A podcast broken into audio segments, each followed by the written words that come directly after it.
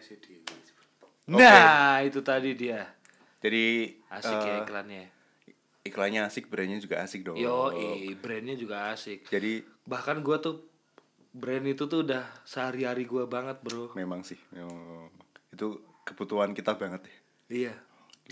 So, kalau kalian pengen ngiklan, pengen masukin adlibs di eh, podcast ini, langsung aja ke eh, DM ke mana Wan? Instagram ke idealokal.id, Atau kalau nggak email ke berkarya at idealokal.com. Yo, kita lanjut lagi ya. Oke. Eh, Pendapatku tadi- nih berarti Iya, nih. pendapat Wan. Siap. Jadi kurang lebih eh aku nangkep poin mereka Mas Yudis. Eh, tim tim kontra ini eh, berupaya gimana sih kalau bisa ya udah industri mana sih yang produktif gitu ya. Yang sekarang memang lagi seksi gitu. Nah, sebenarnya bisa ditengahi. Kayak yang dilakuin mungkin teman-teman pernah teman-teman pendengar pernah dengar itu ada startup namanya iGrow. Itu crowdfunding. Jadi pendanaan publik itu modelnya gini. Mempertemukan antara pemilik lahan yang tidak bisa mengolah. Itu pertama. Yang kedua adalah petani yang tidak punya lahan. Jadi tenaga-tenaga yang nggak punya lahan dan yang ketiga adalah eh, anak-anak muda yang mungkin udah kerja sebagai apa pun yang udah pendapatannya lumayan itu dijadikan eh, sebagai investor. Nah, sana ada bagi hasil. Bagi hasilnya berarti secara nggak langsung yang punya lahan, lahannya terolah dia dapat fee. Yes. Yang harusnya nggak bisa kerja nih eh, tenaga-tenaganya bisa bekerja dan si investor juga dapat share yang lumayan. Dan itu nggak cuma tanaman sih sebenarnya, cuman mayoritas tanaman. Cuman yang paling asik adalah eh itu benar-benar dikontrak lima tahun gitu. Wow. Jadi paling nggak selama lima tahun lahan itu jalan. Tenaga-tenaga juga bekerja. Nah, eh, yang perlu digarisbawahi adalah agrarisnya sebenarnya itu power. Jadi kita tuh punya sumber daya keren yang bisa bikin eh, pendapatan yang pertama. Karena negara mana sih yang nggak butuh bahan-bahan pokok ini? Dan mungkin tinggal merubah caranya aja, merubah model bisnisnya. Nggak cuman eh, yang punya lahan pasti yang ngelola, pasti yang jual ke tengkulak. Gitu. Jadi apa ya? Se, se-fruit collaboration. Sefruit, aduh, sebuah kan maksud lu? Iya, itu kan Aduh, terlalu wow, susah benerinnya bro. Enggak, itu Iya, dua terus, kata tuh terlalu banyak dipakai sekarang Oh, iya, jadi iya, sampai benar, digitu-gituin. benar. Oke, oke. Jadi eh, kolaborasi antar yang punya lahan, yang kerja dan yang punya modal dan satu pengelola si iGrow ini jadinya keren. Nah, itu juga menanggulangi gini, kita semakin semakin hilang semakin hilang lahan produktif untuk agraris itu eh, malah untuk hal-hal yang kurang tepat guna. Yes. itu yang sebenarnya sayang gitu. Maksudnya lahan anggap aja kita punya 100 lahan 100 hektar anggap aja. Hmm. 100 hektar itu menghasilkan uang 100 ribu biar gampang aja. Nah kalau misalnya itu tahu-tahu jadi cuman pemukiman ya mungkin menghasilkan bagi beberapa orang cuman nggak kontinu dong Iya. Nah, jadi lahan itu jadi nggak produktif. Itu yang bikin eh, saya pribadi berusaha untuk pro tentang agraria ini biar lahan-lahannya juga tetap produktif dan bisa eh, produktivitasnya ditingkatkan dengan teknologi. Tapi kan lahannya bisa untuk produktivitas, Mas. Yes. Kalau Iya. misalnya lahannya dibikin jadi pabrik sosis, Nah, bisa. pabrik sosis terus, wow, lahan ini lebih menghasilkan dengan adanya pabrik sosis. Iya nggak masalah. Tidak melahirkan dari lahannya, tapi dengan dengan industri di atasnya Iya. gitu. Apa Iya, produktivitas yang ada di lahan itu ya? Hmm, kalau mau menang-menangan produktivitas nih ya Iya, kan, iya. gitu. Betul, betul. Iya nggak masalah. Cuman eh, kebanyakan nih orang-orang yang punya sawah dijual untuk jadi perumahan, Hmm. Duitnya gue kawin meneh. Waduh. gitu itu sampai jadi eh, soalnya dulu sempat mau ditawarin orang model-model bisnis yang menga- mengaplikasikan persawahan dulu pernah ngobrol ya mas ya?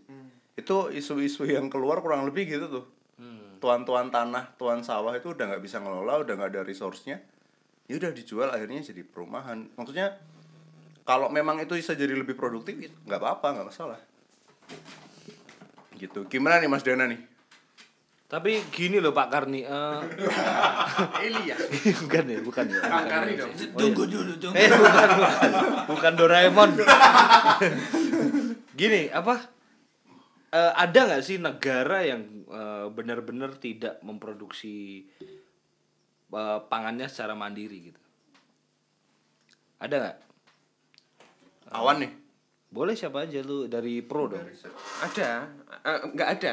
Yang ada negara-negara yang eh, produksi apa namanya eh, produk agrarisnya minim. Yang namanya Greenland itu memang tidak cocok untuk ditanami. Singapura lebih menitik beratkan ke karena negaranya kecil. Singapura ya, sing ngecat enggak ya? Waduh. Wow, jokes-jokes ini membuat segar suasana. Oke. Nah, maksud gua, gua cuma pengen tahu aja gitu. Maksudnya apakah ada gitu negara eh, mungkin apakah kalau misalkan negara maju gitu kan eh, ternyata bisa berarti mungkin kalau kita mengarahnya ke sana berarti eh, mungkin akan bisa gitu ketika eh, ya embel-embel si tadi apa sih yang pro kontrain tentang embel-embel ini ya apa? Negara agraria kan? Hmm, apakah agra- akan di, Indonesia harus dipertahankan sebagai negara agraris atau ditinggalkan industri agrarianya berpindah ke eh, industri lain? industrial? Wow. nah ya itu. Eh, eh, kenapa gue tanya gitu? Karena ketika akan ada tapi nggak ada kan ya? Nggak ada eh, pun masih akan tetap ada walaupun sedikit gitu. Cuman eh, kalau dilihat eh apa ya eh demografi tempat-tempat di Indonesia yang masih masih secara aktif itu tuh di mana aja sih gitu loh. Kayak di Jawa di Jawa Tengah nih khususnya paling di ya mungkin di agak pelosok-pelosok itu masih banyak persawahan Klaten, kemudian bro. di nah di Klaten itu kan ada eh, apa penghasil beras ya. Terus eh, di Jogja tidak begitu di Semarang tidak begitu. Makanya di itu pun sudah bahkan mulai eh, mulai tergerus tergerus karena kebutuhan rumah gitu kan. Hmm. manusia semakin banyak lebih butuh rumah sehingga tanah-tanah itu dijadikan perumahan-perumahan gitu.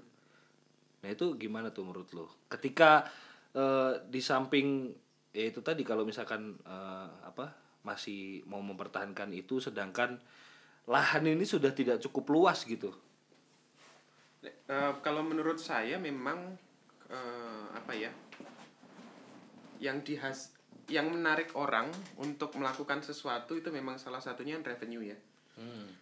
Jadi eh, kebetulan saya bekerja di bukan bekerja ya maksudnya eh, bahasa Inggrisnya work with tapi bahasa Indonesia ini apa bekerja dengan ya iya work with bekerja dengan berkecimpung berkecimpung di dua bidang nih. Satu edukasi teknologi untuk petani, satu pendidikan di daerah yang pinggir.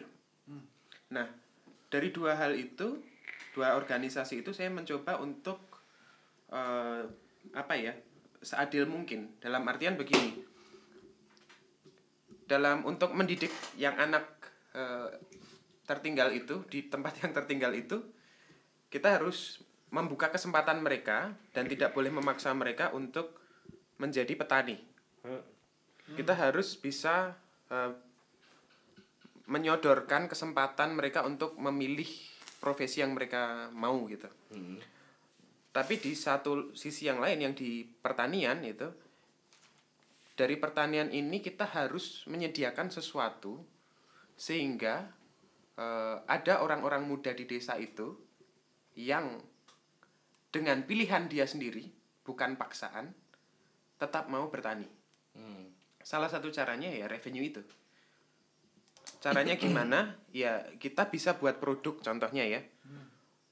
Eh, produk olahan sehingga hasil yang hasil bumi mereka itu ada added value-nya, ada nilai tambahnya. Yes. Jadi ketika dijual itu harganya mahal. iya iya Jadi mereka tertarik karena ada uang di situ. Oke. Gitu. Kita harus cari motivasi untuk mereka iming-iming lah ya Mm-mm, supaya mereka tetap ada orang yang tetap bekerja di bidang agraris itu karena penting menurut saya tetap menurut saya penting itu kekuatan yang besar ketika eh, ada politik eh, ada politik dagang ya atau perang dagang mau kita jadi orang yang apa namanya ya menahan makanannya untuk tidak keluar atau ada orang dari luar negara dari luar yang tidak memberikan makanannya atau ekspornya ke Indonesia gitu.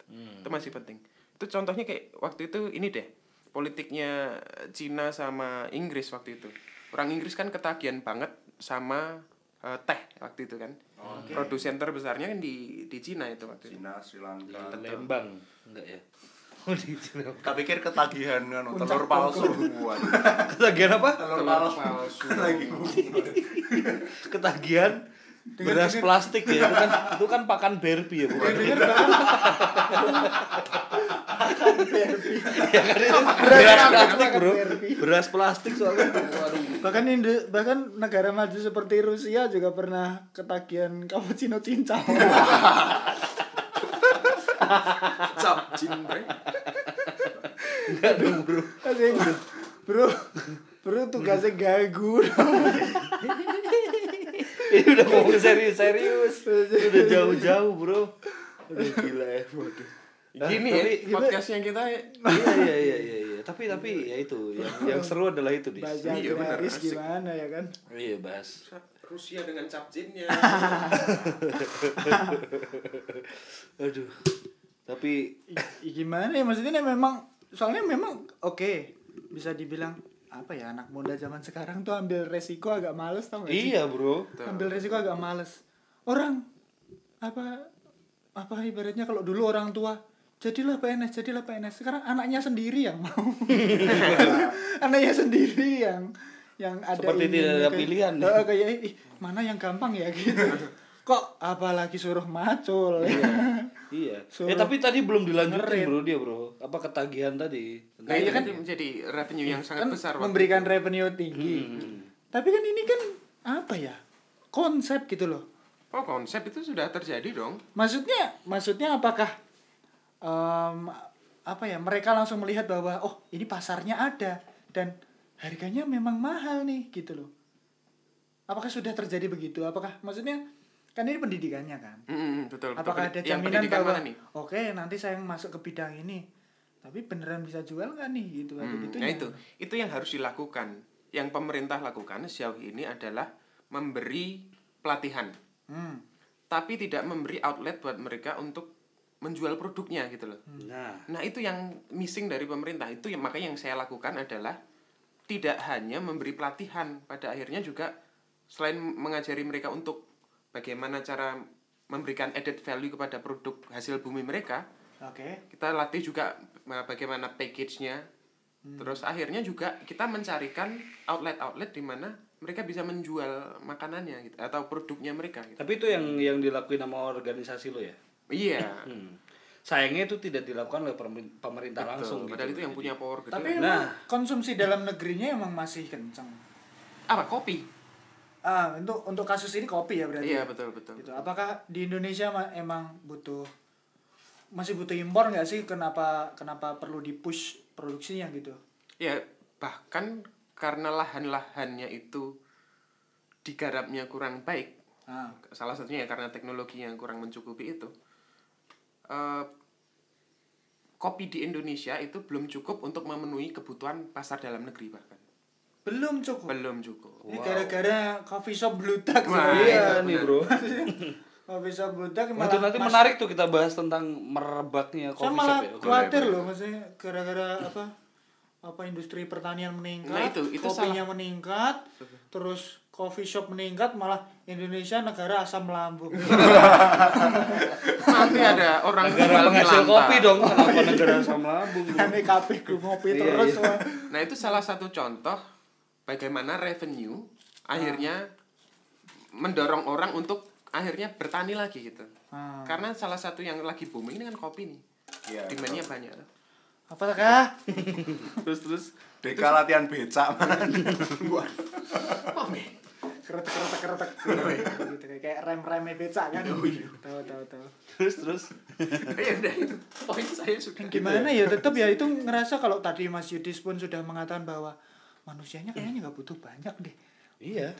Nanti bisa diganti gantikan berarti terjawab dong kan yang sekarang ter- yang sekarang terjadi kan manusianya tidak banyak 4.0 eh Pak Jawaya aja pernah nyanyi. Ini era digital. Era teknologi. Aduh. Selamat. Selamat. Berkarya. Iya iya. Salam Dali. Agine Wardi. Eh bukan dong Sorry, sorry. Terus ya, betul era digital Iya iya iya era paham paham. teknologi gitu. nah itu digitalnya teknologinya dikorp- dikorporasikan dengan pertaniannya dong pertanyaan dan digital nih ke mana gitu? eh ini coba Tadi contohnya barusan barusan kan ada contohnya. Itu Oh iya, bisnis model. iya iya sorry sorry nggak nyimak ya lu Aku ya? eling, aku kasih aku eling. pembelaan dong Aku jangan eling. jangan oh Iya iya dong. bro saya kan dituntut kontra oh iya iya lagi golek-golek gitu ya caranya kontra gitu. anjir mana pronya bagus lagi. Nah, itu dia itu dia bro. Tadi kita tadi saya mikir ya. kok tiba-tiba wah bagus juga ya. Ayo mau pindah pro aja nih. kayaknya kontranya cukup deka ya kan? Di topik tertentu iya bro. Anda kalau nanti topik pengen kontra juga. Eh, ya itu tadi sih eh, mungkin kita harus masuk ke kesimpulan nih seru Boleh nih boleh boleh boleh. Yuk kita soalnya kayaknya emang emang maksudnya gini sih lebih ke perdebatannya tuh udah udah bawa oke ya kita saling tahu hal ini lah gitu loh. kita saling kontranya tahu. apa udah jelas, pro-nya udah. iya udah jelas apa yang terjadi di masyarakat udah jelas lahannya digunakan untuk apa gitu asik ya Yoi, Diskusi asik, asik. malam ini ya Yoi. Yoi, bro Yuk, mungkin siapa dulu nih mau berkesimpulan nih? Kayaknya Deka ini yang Deka paling menguasai ini. Oke. Anjir. Ah, kalau menurut gua ya, ya tetap tidak dipertahankan juga tidak apa-apa karena gue lihat generasinya juga tidak begitu eh, tertarik dengan itu ya mungkin tertariknya kadang-kadang kalau misalkan tadi dibilang eh, dikaitkan dengan teknologi juga em, anak muda anak muda sekarang juga paling sore-sore fotoin sawah itu udah cukup ini ya. Udah cukup Udah teknologi. apa? Sawah dan teknologi udah ya, cukup kan. agrarisnya di Iya, bidang iya. fotografi. Ya. udah itu aja dari gua. Coba yang lain. Sama biasanya di trap-trap di daerah Bali nah tuh. teras sharing Bali tuh difotoin bagus kan. Mas Yudis dulu deh biar bolak-balik nih biar pro kontra pro kontra pro kontra ya oke.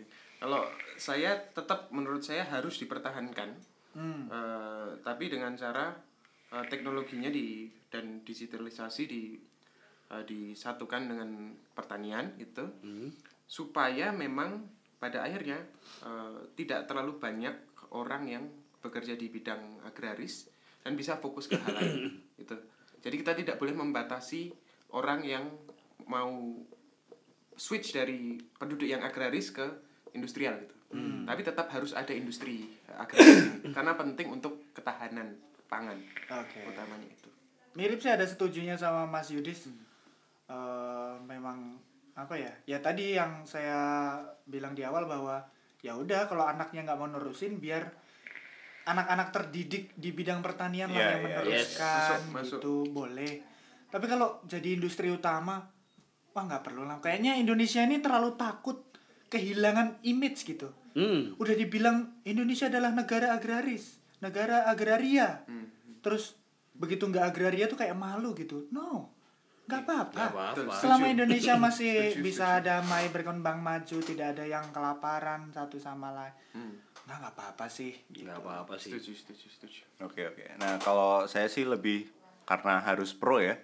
Jadi tetap berupaya biar industri ini tetap jadi salah satu pamungkasnya Indonesia. Karena mikirin selain industri juga ekosistem. Jadi kalau semua manusia yang hidup di sini terus akhirnya ekosistem sawah jadi eh, perumahan semua itu juga kurang balance. Yes. Termasuk ke alam sih sebenarnya. ya. Iya, itu Jadi juga. agraria tuh termasuk pro alam juga ya. Benar. Saya pro sih. aduh kenapa ganti bro ini udah kesimpulan kenapa ganti Statement terakhirnya Iya, bagus bagus, sih. Ya udah ikut itu lah, ikut itu gitu. gitu sih jadi eh, uh, ada sudut pandang pro-nya kayak gimana, kontranya kayak gimana udah jelas. Itu dulu. Yes. Terima kasih sudah mendengarkan. Terima kasih untuk tamu kita. Terima kasih tamu dan para sponsor ya. Iya, dan iya. buat kalian yang ini sekali lagi kita ingetin bahwa kalau mau sponsorin langsung aja DM ke mana Wan?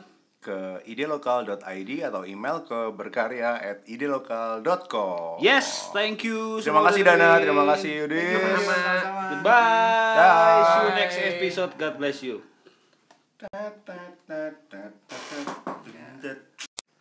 Hey, kembali lagi di podcast Pro kontra Bersama Awan Pro. dan Deka Kontra. Deng deng. Kita Kok ada deng-deng Enggak apa biar seru aja. Kita masih bersama mereka nih, Bro. iya, ada Mereka siapa kalau yang mungkin dengerin eh, episode kemarin? udah tahu. Iya, kita eh, bersama lagi bersama Yudis dan Dana di sini. Hei, halo. Halo, halo, apa kabar? Nah, gitu dong. Yudis. Halo, apa kabar? Oke. Nah, hari ini kita bakal ngomongin eh, apa tadi awan yang bakal kita omongin tentang apa tadi? Deka gitu mas jadi Iya, iya. Ngelempar ya. harusnya dia yang ngomong tapi lupa di Iya, tengah. iya, oke. Memang gitu sih orang Emang uculan. Ya, biasa. Ucul. Bawa kira kayak Kolek. Iya ya, tapi eh, itu dia kita akan ngobrolin tentang eh, Indonesia sebagai negara agraris, Iya. tapi eh, minim minat terhadap Pertanian. pertanian. Pemuda-pemudanya Pemuda-pemudanya. kurang bertani. Tidak ada regenerasi. Sedikit sedikit lebih tepatnya. Iya iya, oke. Nah, Pro jadi kontranya apa nih berarti? Jadi pro kontranya adalah apakah eh, jadi pro adalah mengusungkan untuk ya tetap dipertahanin atau kontrana kontrana kontranya adalah diarahkan untuk ya udah jadi industri atau sekalian eh, untuk lahannya pertanian diarahkan ke lini ekonomi lain gitu. Seperti jadi makam atau enggak ya? Oke oke. Maka mahal bisa iya, jadi. Iya bisa jadi kan, iya dong. Iya dong. Keren, keren. Terus eh kita pengen tahu nih hari ini ini agak berbeda dari episode kemarin karena kemarin eh, si Dana ini adalah di pro ya. Iya betul dari tim pro. Eh, ya dan Yudis kontra. Dan sekarang ini mereka agak switch nih. Iya. Si Dana menjadi kontra kan ini dan si Yudis menjadi pro player PUBG. Ya? Oke. Tiba-tiba jadi LRQ dia. Oke, Tapi kalau ini beneran sih. Maksudnya ini kalau pro ini player. switch karena memang bener-bener bener-bener sudut pandang bener-bener kalian sudut gitu pandang ya. sendiri. Saya sendiri merasa bahwa ih kayaknya Indonesia udah nggak perlu agraris lagi deh dan Ah. dan Mas Yudis ternyata menjawab bahwa perlu di masih perlu kalau menurut saya. hmm, kenapa tuh Mas Yudis? Kenapa tuh? Ya menurut saya masih layak untuk diperjuangkan gitu. Maksudnya eh, itu juga menyumbang GDP yang cukup untuk eh, Indonesia. Tunggu tunggu Industri. DGB itu apa dulu dong? Mungkin pendengar kita kan ini juga dong. Kayak saya. Iya. iya. coba coba coba. tidak tahu, tidak tahu kayak saya. Coba apa tuh? Mungkin saya juga tidak tahu. Maksudnya biar keren aja kan suaranya tadi jadi jadi. Enggak enggak, tapi boleh di Jadi browsing apa? itu kurang lebih jadi kalau istilahnya bahasa Indonesia apa sih? Eh, bruto pendapatan bruto nasional intinya gitu. Jadi Hmm. Sesimpel kamu kalau jualan itu omsetmu berapa? Oh, oke. Omset negara kurang lebih gitu. Iya. PBD kalau nggak salah. ya gross domestic product ya kalau nggak salah ya. Hmm. P. Oh. Kita kita sangat terlihat tidak punya data ya. tidak Emang, riset dulu. Kita kita kita kita cuman ya kan ini kita pakai pandangan kita kan. Saya sempat ngerasa ini podcast pinter gitu loh. Dia Ternyata ngawur. ya. enggak. Nggak, nggak, nggak terlalu ngawur. Tapi kalau Mas Yudis tadi bilang gitu, ya ada setujunya sih bahwa Indonesia ini agraris. Eh apa? eh, pendapatan negara dari sektor pertanian ya masih lumayan tinggi betul tapi yang tertinggi itu industrinya loh justru Betul, betul, betul, cocok. Tapi menurut saya, kenapa masih perlu dipertahankan satu, Hmm. ada ketahanan pangan nih. oke Umpamanya Iya, itu amit-amit, suatu saat ada serangan dari luar nih, Ada krisis. krisis gitu ya, atau kita ada negara lain yang mainkan politik eh, apa namanya, eh, politik dagangnya ke kita, dengan kita jadi kita nggak bisa impor gitu umpamanya ya. Nah, Hmm. Nah itu kita ada cadangan makanan di situ. Oke. Itu satu. Swasembada pangan ya. Ya walaupun tidak swasembada tapi ada cadangan gitu loh. Iya, iya, iya. Bisa diusahakan. Dua juga tanahnya Indonesia sayang kalau tidak digarap gitu. Sayang kalau jadi cuman jadi pondasi ya.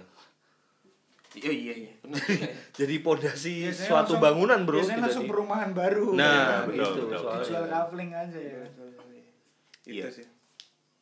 Jadi kurang lebih sebenarnya eh, ya bener sayang sayang lahannya yang begitu subur dari bertahun-tahun itu eh kok cuman akhirnya jadi ruko, cuman jadi perumahan gitu. Nah, eh sebenarnya kalau kemarin sempat kita nggak sengaja ngobrol-ngobrol ya mas ya. Ternyata eh, kenapa sih minatnya itu turun, minat anak-anak muda nih. Hmm. itu turun. Salah satu penyebabnya adalah petani-petani yang senior itu kurang bisa mengadaptasi teknologi. Oh. gitu. Jadi eh, kalau masih dengan cara yang konvensional anak-anak muda nggak mau kan maunya kan yang lebih praktis. Kalau ada teknologi kenapa nggak dipakai gitu? Nah, nah jadi sebenarnya turunnya cuma gara-gara itu. Dan juga sebenarnya kalau teknologi di eh, apa namanya diinkorporasikan dengan pertanian, produktivitasnya akan naik kok menurutku. Dan itu terjadi itu masalah yang terjadi sejak zaman Belanda dulu. Jadi saya pernah baca eh, laporannya tentang apa namanya perkopian di Indonesia di sekitar sekitar tahun 1800-an Anjir. yang ditulis dari oleh eh, apa namanya eh, orang Belanda yang dari VOC itu yang dulunya dia ditempatkan di Brasil.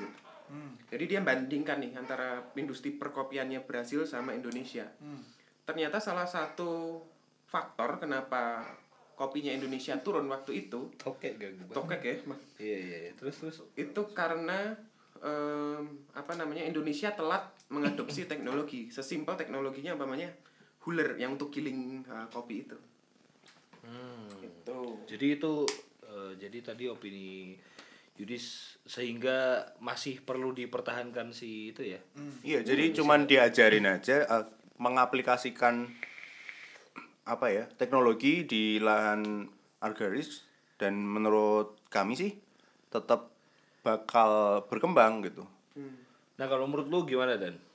Biasanya aku sih zamannya ya, zamannya udah bergeser kali. Zamannya udah udah ada perubahan gitu. Hmm. Pun memang tidak bisa terus bukan berarti anti pertanian ya. Hmm. Tapi ini bukan komoditas utama udah dan so what gitu. Maksudnya nggak apa-apa dong gitu. Iya. Kalau misalnya yang berkembang di Indonesia sekarang lebih maju industrinya atau industri kreatifnya yang lebih berkembang kan nggak apa-apa juga. Gak dong. apa-apa. Karena gini sih, menurut menurutku juga sesuatu yang dilakukan dengan eh, sesuatu akan jadi maksimal kalau dilakukan karena memang sa- seneng, Hmm. karena emang suka. Betul. Contoh di kampungku, di dusunku, di dusun Deresan tuh kan sawah banyak gitu, sawah luas gitu. Oh, simbahku punya sawah banyak. Ibu apa bahkan ibu punya sawah. Tapi tidak ada yang apa ya, tidak ada yang ya? mau menggarap Hmm. karena emang nggak suka gitu. Betul, betul, betul. Dan memang kalau nggak suka kan mau belajar juga nggak akan masuk Iya, gitu iya, ya. iya, iya. Sehingga tidak perlu dipaksakan. Betul. Pun ya sudah sekarang justru justru menurut saya nih dengan orang dengan anak-anaknya tidak meneruskan pertanian orang tuanya regenerasinya itu terjadi pada eh, remaja-remaja terdidik gitu Hmm, hmm, hmm. mungkin tidak banyak Hmm. tapi kan nggak apa-apa maksudnya kecil tapi berhasil gitu loh Betul, betul. nggak perlu jadi nggak perlu jadi agraris agraris banget Hmm. gitu Hmm. ya udah tetap tetap menuju ke apa ya Indonesia yang lebih lebih negara maju banget lah gitu Hmm. ibaratnya kayak Arahnya ke situ ya. iya nggak apa-apa gitu. Oke, jadi satu poin yang saya catat dari Mas Dana, negara maju tadi ya untuk pertama itu, negara maju seperti Cina itu juga apa namanya eh, pemasukannya yang 7% itu juga tetap dari pertanian walaupun sedikit ya. Ja- Tapi ada satu poin yang saya sangat setuju dengan Mas Dana, oke. Yaitu adalah eh, ketika memang eh, apa namanya ada masyarakat terutama yang generasi muda itu mau transisi dari yang ag- agraris ke industrial itu jangan dilarang. Memang itu sesuatu yang wajar terjadi. Di mana-mana memang seperti itu. Ah. Deka makan terus nih. itu. Lagi. Oh, Cengkaro. Dia sen- sengaja jadi makan sampai di mic. Terus terus. Nah, tapi yang perlu dicatat adalah jangan ditinggalkan gitu. Bentuknya boleh berubah bisa. Jadi pertanian itu sangat penting untuk satu memang ketahanan pakan tadi ya. Kalau mamanya ada yang uh, ada perang gitu ya. Juga sebagai senjata. Oke. Jadi itu kan komoditas yang dibutuhkan semua orang. Atau kita kalau kita mau main politik eh, dagang ya, Iya. agar apa produk agraris itu bisa dipakai juga gitu.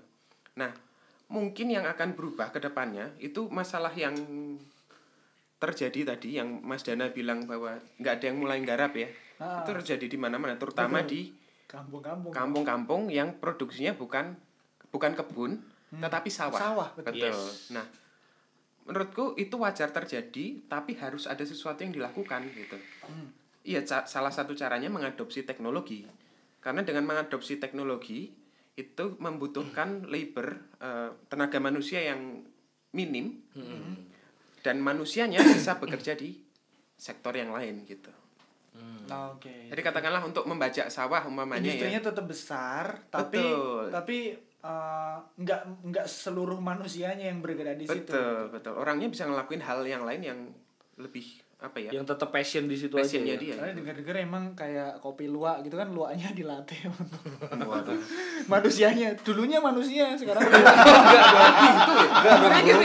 Enggak dong, Bro. salah informasi Saya ada kopi babah kocomoto. itu kocomotonya ya bikin. Enggak, enggak. enggak. Balapaya Eh, nyebut brand tuh. Iya, iya, iya. Eh, hari ini gratis besok bayar ya. Eh, ya kalau kalau di gua ya itu eh, sekarang tuh kan ya 4.0 bro. Terus eh, orang-orang itu ya anak muda terutama anak muda terutama itu ya mereka look up-nya lebih ke pekerjaan-pekerjaan yang mungkin ya terlihat lebih keren. Terus eh, secara waktu fleksibel ya kan? Banyak kan kayak gitu. Eh, terus apa namanya? Sedangkan seperti pertanian tuh tidak cukup seksi gitu. Eh, walaupun eh, sebenarnya itu bisa jadi peluang yang sangat besar karena karena eh, ya itu tadi sudah minim sangat minim gini deh sekarang kita eh, bilang range umur berapa sih yang jadi petani nih? Ini Iya. masih yang yang gue lihat sih masih masih orang tua orang tua gitu. Iya, Nggak- kalau nggak- kalau mayoritas iya ya. mayoritas. Nggak nggak banyak yang anak muda yang kemudian stand out eh, dan orang-orang tahu eh, di di daerah-daerah mana pun gitu. Yang masih kita lihat di, di pedesaan-pedesaan tuh ya ya pasti yang ini orang-orang tua dan segala macam Iya. mungkin harus ada gitu sosok yang kayak yang membuat ini semua menjadi lebih keren. Ngerti gak sih? Dalam artian eh, lebih keren. Lu nggak usah gestur bro. Ini podcast nggak ada ini. Harus Nggak gestur nggak kelihatan. bro. Ya gitu. Tapi itu tadi sih. Kalau gua bener bener. sama kayak dana aja. Jadi ya nggak agraris juga nggak apa-apa.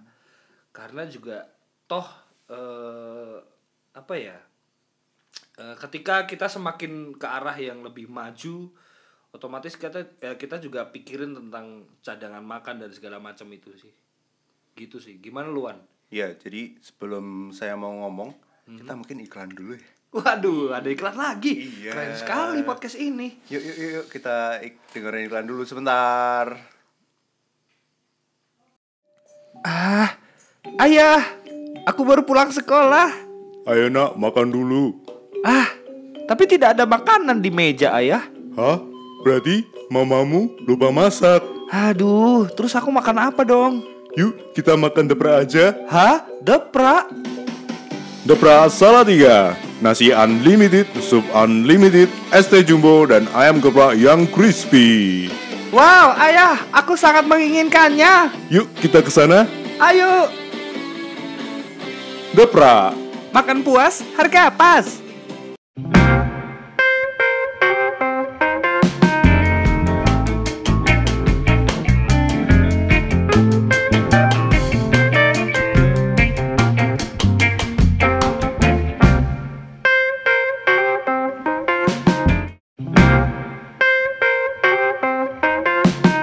Kasih untuk semua yang sudah dengerin dan buat kalian yang mau request tentang apa aja yang pengen di pro kontrain silahkan DM di @idlokal.id.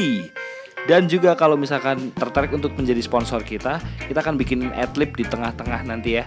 Jadi adlibnya kayak apa? Ya sesuka kita. Yang penting sponsornya aja dulu. Terima kasih semuanya. Awan Pro signing out. Deka Kontra signing out. Thank you and bye.